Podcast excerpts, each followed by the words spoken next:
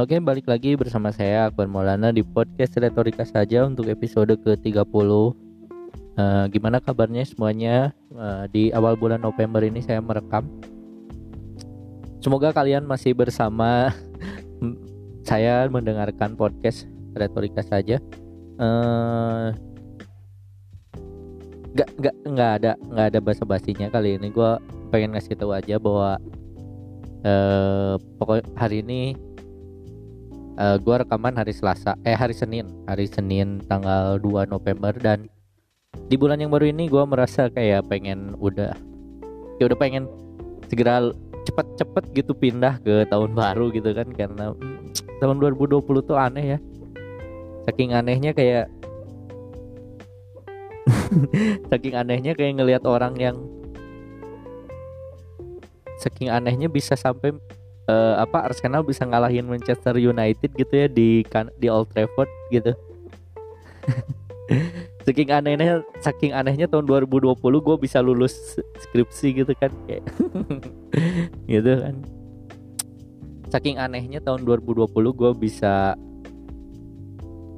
uh, eh, gue bisa apa ya gue bisa masih masih punya nafas gitu untuk bertahan hidup ya mungkin uh, gue pengen buru-buru lepas gitu di tahun 2020 kayak pengen memulai awal baru gitu di tahun baru di tahun 2021 menemukan uh, berubah fase dari asalnya mahasiswa menjadi hanya sekedar pekerja biasa gitu. Karena gue udah beres sidang skripsi terus sekarang sidang yudisium terus nanti wisuda dan ye yeah, kayak selesai semuanya masa perkuliahan gue yang udah ditinggal. Ya udah dilaksanakan selama tujuh tahun lebih gitu kan. Alhamdulillah. Ya mesti bersyukur lah. Uh, terakhir gue selain Manchester United yang kalah dengan sangat memalukan di kandang sendiri juga ada apa? Gak ada sih. Uh, kabar di lain. Kayak yang paling menarik sih kayak yang tipis-tipis gue perhatiin selain itu adalah soal kemenangan uh, apa pemilu di di Amerika Serikat uh, yang akan segera berlangsung antara Joe Biden dan Donald Trump. Dan itu gue nggak ngikutin banget gue males ngikutin banget. Tapi gue yang paling seru adalah soal ini uh, uh, accessibility uh, larangan terhadap boykot boykot terhadap barang Perancis yang sempat viral yang sempat ramai gara-gara seorang presiden Perancis. Namanya Macron. Bukan merek makanan ya itu makaroni yang namanya Macron. Uh, dia bilang bahwa uh, telah terjadi peng, pelaksanaan uh, perusakan oleh terorisme Islam yang itu tuh adalah sebuah hal yang sangat itu tuh menjadi hal yang sangat gue konsen gue sangat sangat sangat sangat sangat gue perhatikan karena itu terkait dengan keinginan gue hal-hal yang gue pikirkan sejak dulu bahwa memang betul adalah seperti itulah. Jadi kronologi kronologisnya seperti ini yang gue tahu ya.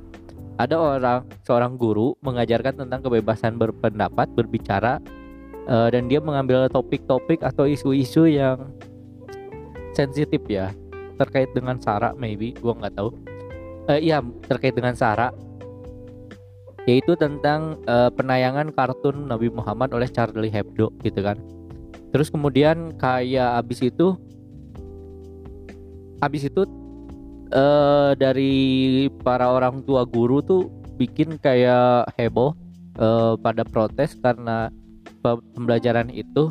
Namun ada satu guru yang apa ada satu orang tua yang karena itunya sampai ke uh, aliansi Islam yang ekstremis lah gitulah pokoknya. Nah gara-gara itu akhirnya si orang yang mengajarkan kebebasan berbicara oleh si uh, apa oleh si gurunya ini tuh jadi akhirnya kayak ditahan gitu. Dia dijadikan incaran pembunuhan gitu oleh beberapa orang. Nah akhirnya ada imigran dari Rusia dia berusaha menggorok lehernya dan akhirnya meninggal si guru itu. Nah dari situ gue menyadari kayak wow gitu. Dan akhirnya di situ muncullah pidato si Macron makan merek uh, makanan makaroni itu namanya. Uh, presiden Prancis itu ngomong kayak uh, di situlah terjadi uh, apa? Uh, kebe bahwa ada istra Islam itu lagi krisis dan ekstremis apa Islam teroris itu ada gitu. Padahal itu bukan uh, padahal yang gue ingin bahas adalah bahwa ini dan kemudian semua negara lain negara Islam yang penduduknya banyak negara Islam mengecam gitu uh, pada banyak yang mengatakan hal itu membuat rusak uh, dan membuat membuat uh, dikotomi yang berbahaya gitu mengeneralisir muslim bahwa muslim itu krisis kayak sebagai sebaiknya lah.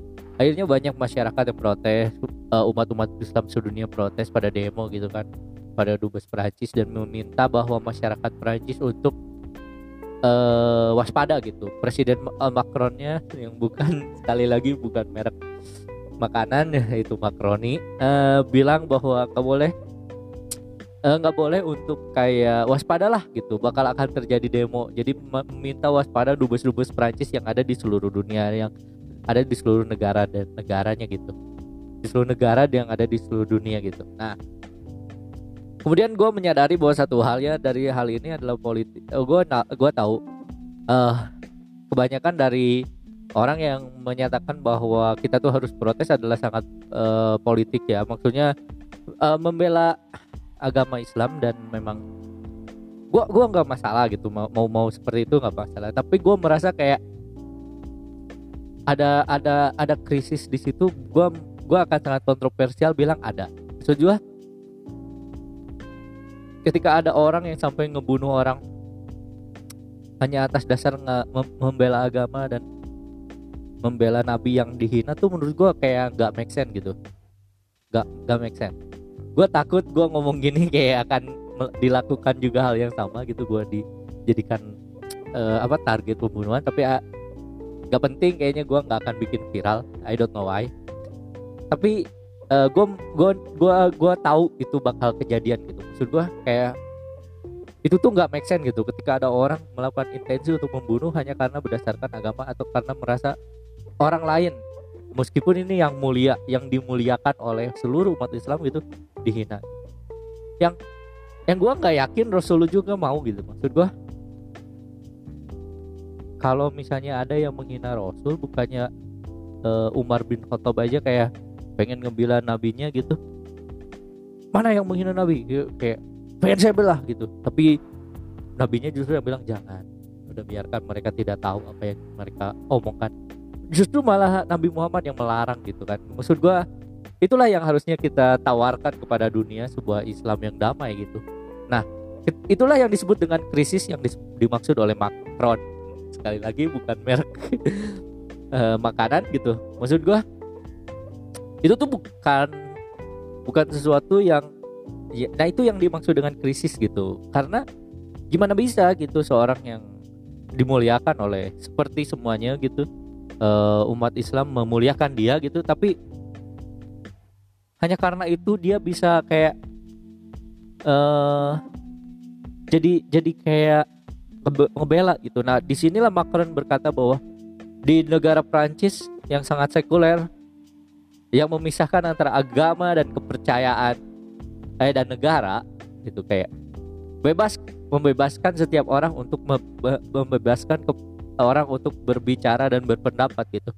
Terus kayak oh bener juga sih. Ya mungkin memang bener kayak gitu karena eh, gimana bisa gitu orang ngomong uh, gue setuju gitu bahwa berbeda pendapat itu. Nah itulah yang menjadi kontroversial bagi gue karena gue sangat sangat gue pertama adalah merasa gue bukan maksud mendiskreditkan muslim dalam hal ini. Tapi gue menyadari bahwa ketika ada intensi untuk membunuh hanya karena menghina Islam itu juga uh, ada ada intensi untuk membunuh orang karena kebencian terhadap agama. Maksudnya membela agama gitu. Itu tuh udah cukup kontroversial bagi gue yang ngomong kayak gini. Karena masih banyak teman-teman gue maksud gue ada segelintir orang yang percaya bahwa kok lu tuh gitu sih? Ini tuh agama yang harus apa ya sebagainya lah yang gua malas bahasnya gitu itu mulia. Itu menurut gua menurut gua Islam tuh mulia Nabi Muhammad tuh mulia. Dia tidak akan membalas uh, me, me, apa ya mereka yang menghina dia gitu. Hampir jarang gitu Rasul membalas. Hampir tidak pernah gitu. Mungkin ya gua nggak tahu. Gitu loh maksud gua. Dan dan itulah krisis. Dan ketika gue ngomong gini ya mungkin gue akan jadi kontroversi gitu. Kayak banyak orang yang menentang gue kayak lu lu lu, kafir ya gitu kayak langsung nunjuk nunjuk gitu kayak lu kafir cepet takbir gitu kayak eh, Allah Akbar gitu. Gitu. Itu juga kan kontroversial tapi kontroversial lagi adalah bagaimana sebuah negara berkembang eh sebuah negara melakukan uh, kehidupannya melaksanakan aturannya uh, dalam bernegara. Bagaimana sebuah negara Perancis berkata bahwa negara kita adalah sekuler, setiap orang boleh uh, mengungkapkan pendapatnya, setiap orang bukan sekuler tuh uh, bukan maksudnya kebebasan berpendapat itu diuji, tapi maksudnya adalah uh, sekuler dalam hal ini memisahkan urusan agama dengan urusan negara gitu. Makanya kalau di tempat publik dalam hal ini adalah urusan negara, itu jarang ada identitas agama gitu maksud gua. Kayak misalnya dulu bahkan ada larangan untuk bercadar, untuk ber, berkerudung gitu karena merasa itu adalah simbol agama pokoknya hal yang sebagai simbol agama tuh dilarang gitu dan uh, dan itu adalah sesuatu yang gue mimpikan sebetulnya tapi lu bakal mungkin protes. Bagi orang-orang yang kayak lu tuh ngapain sih ngebelain kayak gitu? Gitu kan kayak aneh menurut uh, aneh itu tuh itu tuh nggak boleh gitu. Negara dan agama tuh harusnya bersatu gitu dalam satu jalan yang benar gitu. Mendukung saling mendukung gitu. Tapi gue percaya nggak bisa nggak bisa sesuatu yang bisa diuji karena agama itu berbagai itu hak individu untuk beragama. Bahkan ada yang tidak beragama gitu kan maksud gue nah bagaimana bisa sebuah negara diprotes? Karena dia sekuler memisahkan aturan agama dan negara memaksa orang-orang negara lain memaksa untuk mengubah sebuah negara tersebut gitu. Bagaimana bisa sebuah negara misalnya dalam hal ini peran uh, Indonesia misalnya berusaha mem, memba, mem, mem, mem, memprotes aturan aturan yang terjadi dalam negara Prancis yang notabene sekuler gitu berbeda dengan Indonesia gitu yang masih ada integrasi antara agama dan negara gitu. Gitu loh. Di dua hal itu yang gue menarik kayak pemisahan antara agama dan negara. Juga kayak masih ada pem, pem, ada masih ada yang merasa kayak berhak membunuh hanya karena beda agama gitu dan dan itulah uh, hal yang bikin uh, eh, gue merasa risih dengan hal, hal kayak gitu. Tapi gue nggak bisa maksa maksud gue masih banyak yang perlu dibilangin hal yang kayak yang lain gitu. Uh, gue pernah bahas ini tapi gue pernah bahas ini atau enggak ya? Gue pernah kayak uh, suatu hari gitu ya uh, ada video yang menayangkan tentang aliansi aliansi dokter juga yang yang di covid ya uh, yang di Jerman gitu kayak berkata bahwa tidak perlu lockdown tidak perlu protokol kesehatan. Kita ini adalah hal yang biasa kita bisa berjalan normal lagi gitu kata dengan berapi-api dengan banyak uh, profesor yang ngomong. Terus kayak kayak really? gitu. Benarkah mereka benar? gitu kayak just gue gue pengen gitu percaya mereka benar gitu tapi gue pengen kayak gitu tapi gue melihat ada berita meninggal dunia dari orang-orang yang gue pikir gue yakin dia masih hidup gitu kayak. Memang benar kalau itu kejadian. Misalnya gue pengen gitu itu kejadian gak ada uh, bahwa ini tuh dunia tuh udah berdamai udah tidak perlu lockdown sampai sebagainya tapi gimana dengan cerita bahwa tiap hari ada yang meninggal gitu? Masa masa itu masa masa tidak menafikan itu gitu maksud gua kita tuh menafikan sesuatu itu gitu maksud gua. Enggak kan? Lu tahu kan maksud gua ada ada yang meninggal gitu maksud gua. Uh, Pak Saifullah Yusuf gitu. Uh, Sekda DKI Jakarta karena Covid. Terus terus kita percaya bahwa memang tidak perlu lockdown. Ini maksud gua kayak oke okay, gue mau percaya sama tidak uh, tidak perlu lockdown dan protokol kesehatan dan sebagainya. Tapi please gitu masukin dulu ini sih ini nih gitu hidupan lagi gitu ini ini nih yang yang kena penyakit covid dan akhirnya meninggal nih hidupin lagi dulu gitu baru gue baru percaya gitu. Nggak bisa gitu. Nggak bisa itu masih ada gitu gua. Kopi itu masih ada. Dan gua nggak bisa ngomong ini langsung gitu karena yo you know what? Kayak mereka lebih tinggi jabatannya dan mereka lebih besar pengaruhnya. Gua ngikut-ngikut aja tapi gua perlu counter uh, counter opini itu dengan gua punya pengetahuan gitu loh maksud gua. Dan gua mungkin uh, counternya kayak ya gua nggak tahu sih mending diem atau enggak. Tapi kalau itu sih yang bikin berat ya maksud gua. Kayak lu tuh punya power lu punya pengetahuan yang benar tapi suara lu tuh kalah karena lu punya jabatan yang kurang tinggi gitu. Ngerti gak sih maksud gua? Kayak kayak kayak gimana sih ngajarin Pak RT terus uh, ngasih tahu Pak Lurah gitu. Pak RT dan Pak Lurah tuh beda tinggi tingkatan jabatan gitu. Mereka lebih tinggi Pak Lurah gitu. Tapi kalau misalnya lu tahu bahwa Pak RT itu benar gitu dan Pak Lurah itu salah Pak RT-nya tuh kayak sungkan gitu untuk ngasih tahu kayak ah, bentar bentar bentar.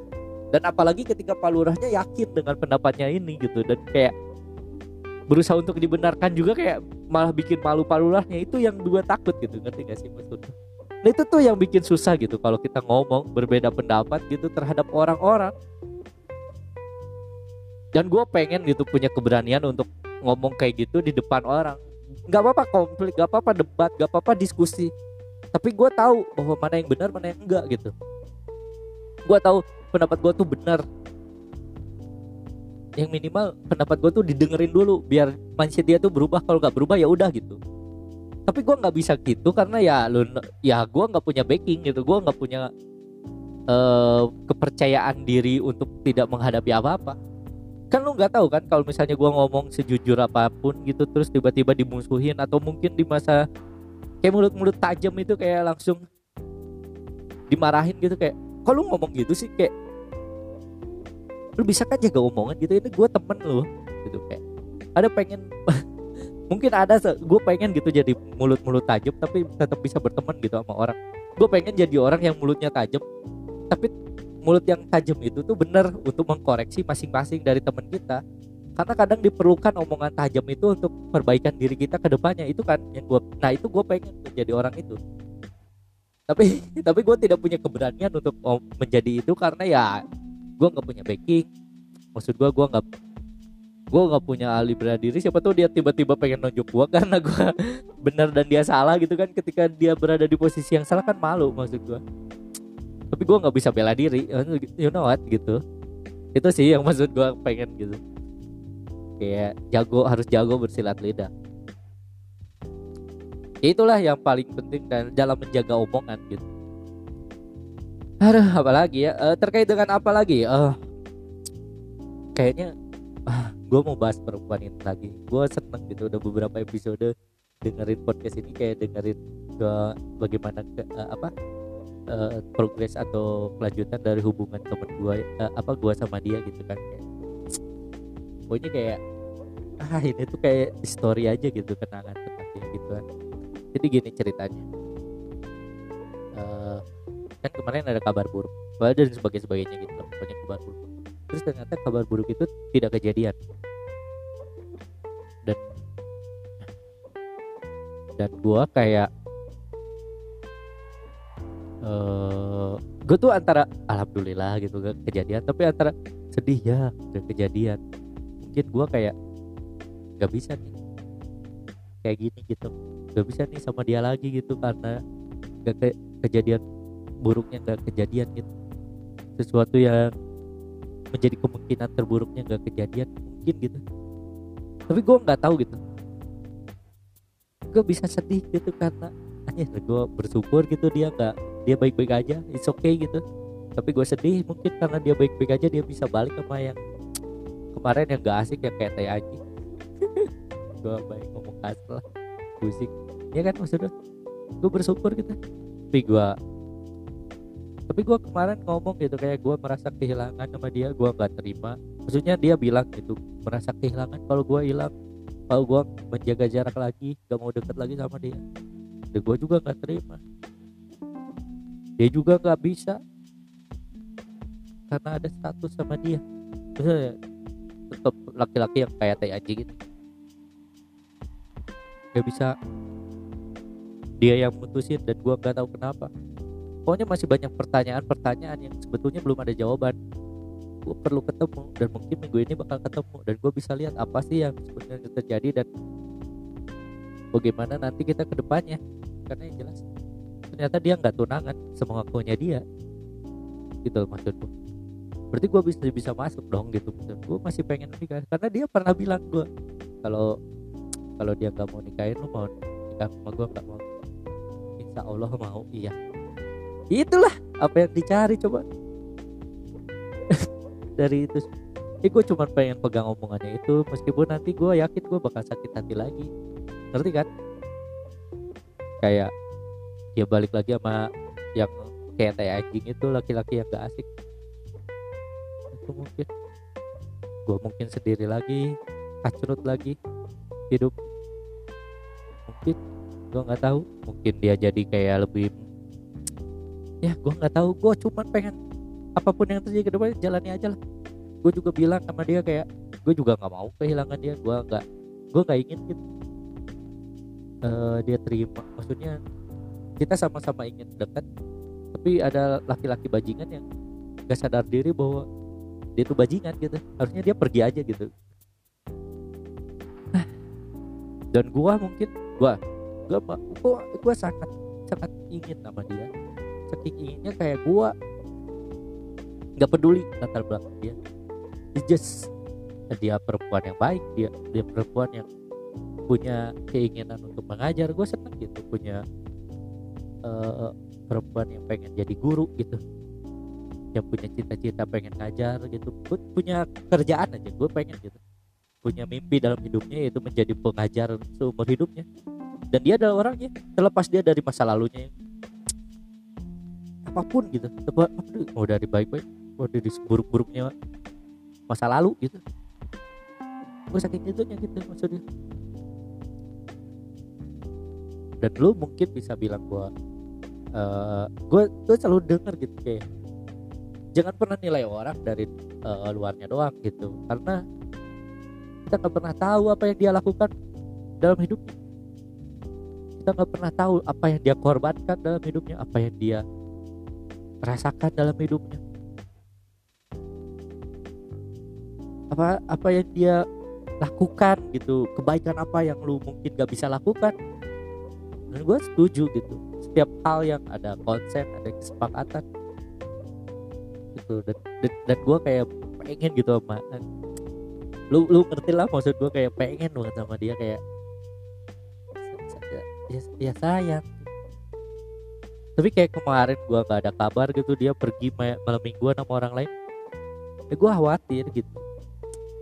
Gue kayak dan gue pengen gitu jadi orang yang lebih toksik uh, uh, maksud gue nggak dalam uh, konotasi negatif ya maksudnya dalam bermakna negatif ya. Gue akan lebih protektif sama dia. Gue akan selalu minta kabar apa pun sama dia. Gue kan gue akan marah. Gue gue akan kesel gue akan jujur gue kesel sekarang. Gak terlalu manja gak terlalu tenang gitu. Gue akan gue akan punya merasa gue harus punya gue harus punya uh, kekuatan gitu bahwa gue tuh gak nggak lemah di hadapan dia. Gue punya harga diri gitu. Dan ketika gue masih punya harga diri mungkin dia bisa menghargai gue kayak gue ancam aja kayak gue ancam aja kemarin kayak kalau lu mau gitu terus gak, gak ngabarin gue kalau gue kalau lu pergi ke mana-mana kalau lu nggak mau gue peduliin lagi. Ya udah ya udah pergi aja pergi aja. Serah gitu tapi gue tapi tapi ya udah sih. Kalau gue kesel ya lu terima resiko gue gituin. Maksud gue ya gue pengen dia tahu apa yang ya apa yang gue lakukan itu gue serius gitu. Kalau gue kalau kalau gue pengen khawatirin ya gue khawatir kalau masih pengen gue peduli sama lu ya lu kabarin sama gue gitu. Gue pengen gue pengen gitu gitu. Kalau kamu masih pengen gue gue peduliin gue perhatiin ya kamu tunjukin lah bahwa kamu tuh peduli juga sama aku. Kabarin lah aku gitu jangan bikin aku khawatir. Kalau kamu memang pengen bikin khawatir aku ya udah jangan. Udah mending aku gak peduli aja ngapain gue khawatir. Kamu kamu aja gak peduli. Aku gituin gitu maksud gue aku pengen gituin gitu. Gue berusaha untuk kayak gitu sekarang. Dan besok besok adalah ketemu sidang yudisium. Besok ketemu sama dia. Gue kayak ah gitu kayak bingung gitu sekarang. Gitu apa yang gue harus lakukan besok? Ah sebetulnya gue pengen meluk sih. Itu meluk dia gue pengen. Tapi kalau ada laki-laki itu gue kayak pengen nonjok. Asli. Aduh tapi intinya eh uh, gue pengen cepet-cepet lah uh, tahun 2020 status mahasiswa gue beres gue bisa mikirin buat ke depannya gue bakal kayak gimana apakah tetap di uh, eh, TU atau mungkin gue sambil ngajar biar nambah penghasilan atau mungkin gue uh, mencoba hal yang lain lah yang lebih ini gue nggak tahu tapi kita coba lihat aja nanti ke depannya tapi uh, mudah-mudahan lah ya lebih gampang depan. Terima kasih untuk semuanya yang dengerin. Uh, tunggu besok progresnya gimana. Gue akan tayang ini. Gue fixkan adalah hari Selasa dan Jumat seperti podcast GJLS anjir. Podcast yang gak jelas. lu, lu cari aja GJLS. Uh, eh, nah itu jadi gue akan pot, pot, posting adalah dua minggu sekali uh, tiap episodenya sekitar 25 menit atau 30 menit terus 25 menit sih paling gede eh, paling minimal kadang 26 kadang 29 kadang 32 gitu. Terus juga ya pokoknya bantulah gitu share gitu ngomong apa cerita gitu bahwa lu tuh dengerin gua. Meskipun ya gua tahu malu gitu kalau dengerin kayak gini masih banyak hal yang lebih penting daripada dengerin podcast gua. Tapi ya lu ngerti lah apa yang gue harapkan dari podcast ini. Selain gue ngabisin waktu ya gue bagi beberapa berbagi pemikiran berbagi perasaan berbagi emosi sama lulu yang dengerin gue jadi ya tetap aja uh, jaga kesehatannya masih jaga kesehatan tetap patuhi protokol 3M uh, eh, terima kasih maksud gue masih dengerin dan dan apa jangan lupa gitu ya untuk sapa gue di IG gue selalu share ini di setiap sosmed gue jadi lu bisa sapa gue di situ. Uh, lu bisa nantikan uh, episode barunya di situ dan ya pokoknya intinya terima kasih. Jangan jangan lupa ketemu lagi nanti sama gue uh, di kesempatan selanjutnya. Ya udah ada ya udah sampai ketemu. Dah. Gak akbar. Dadah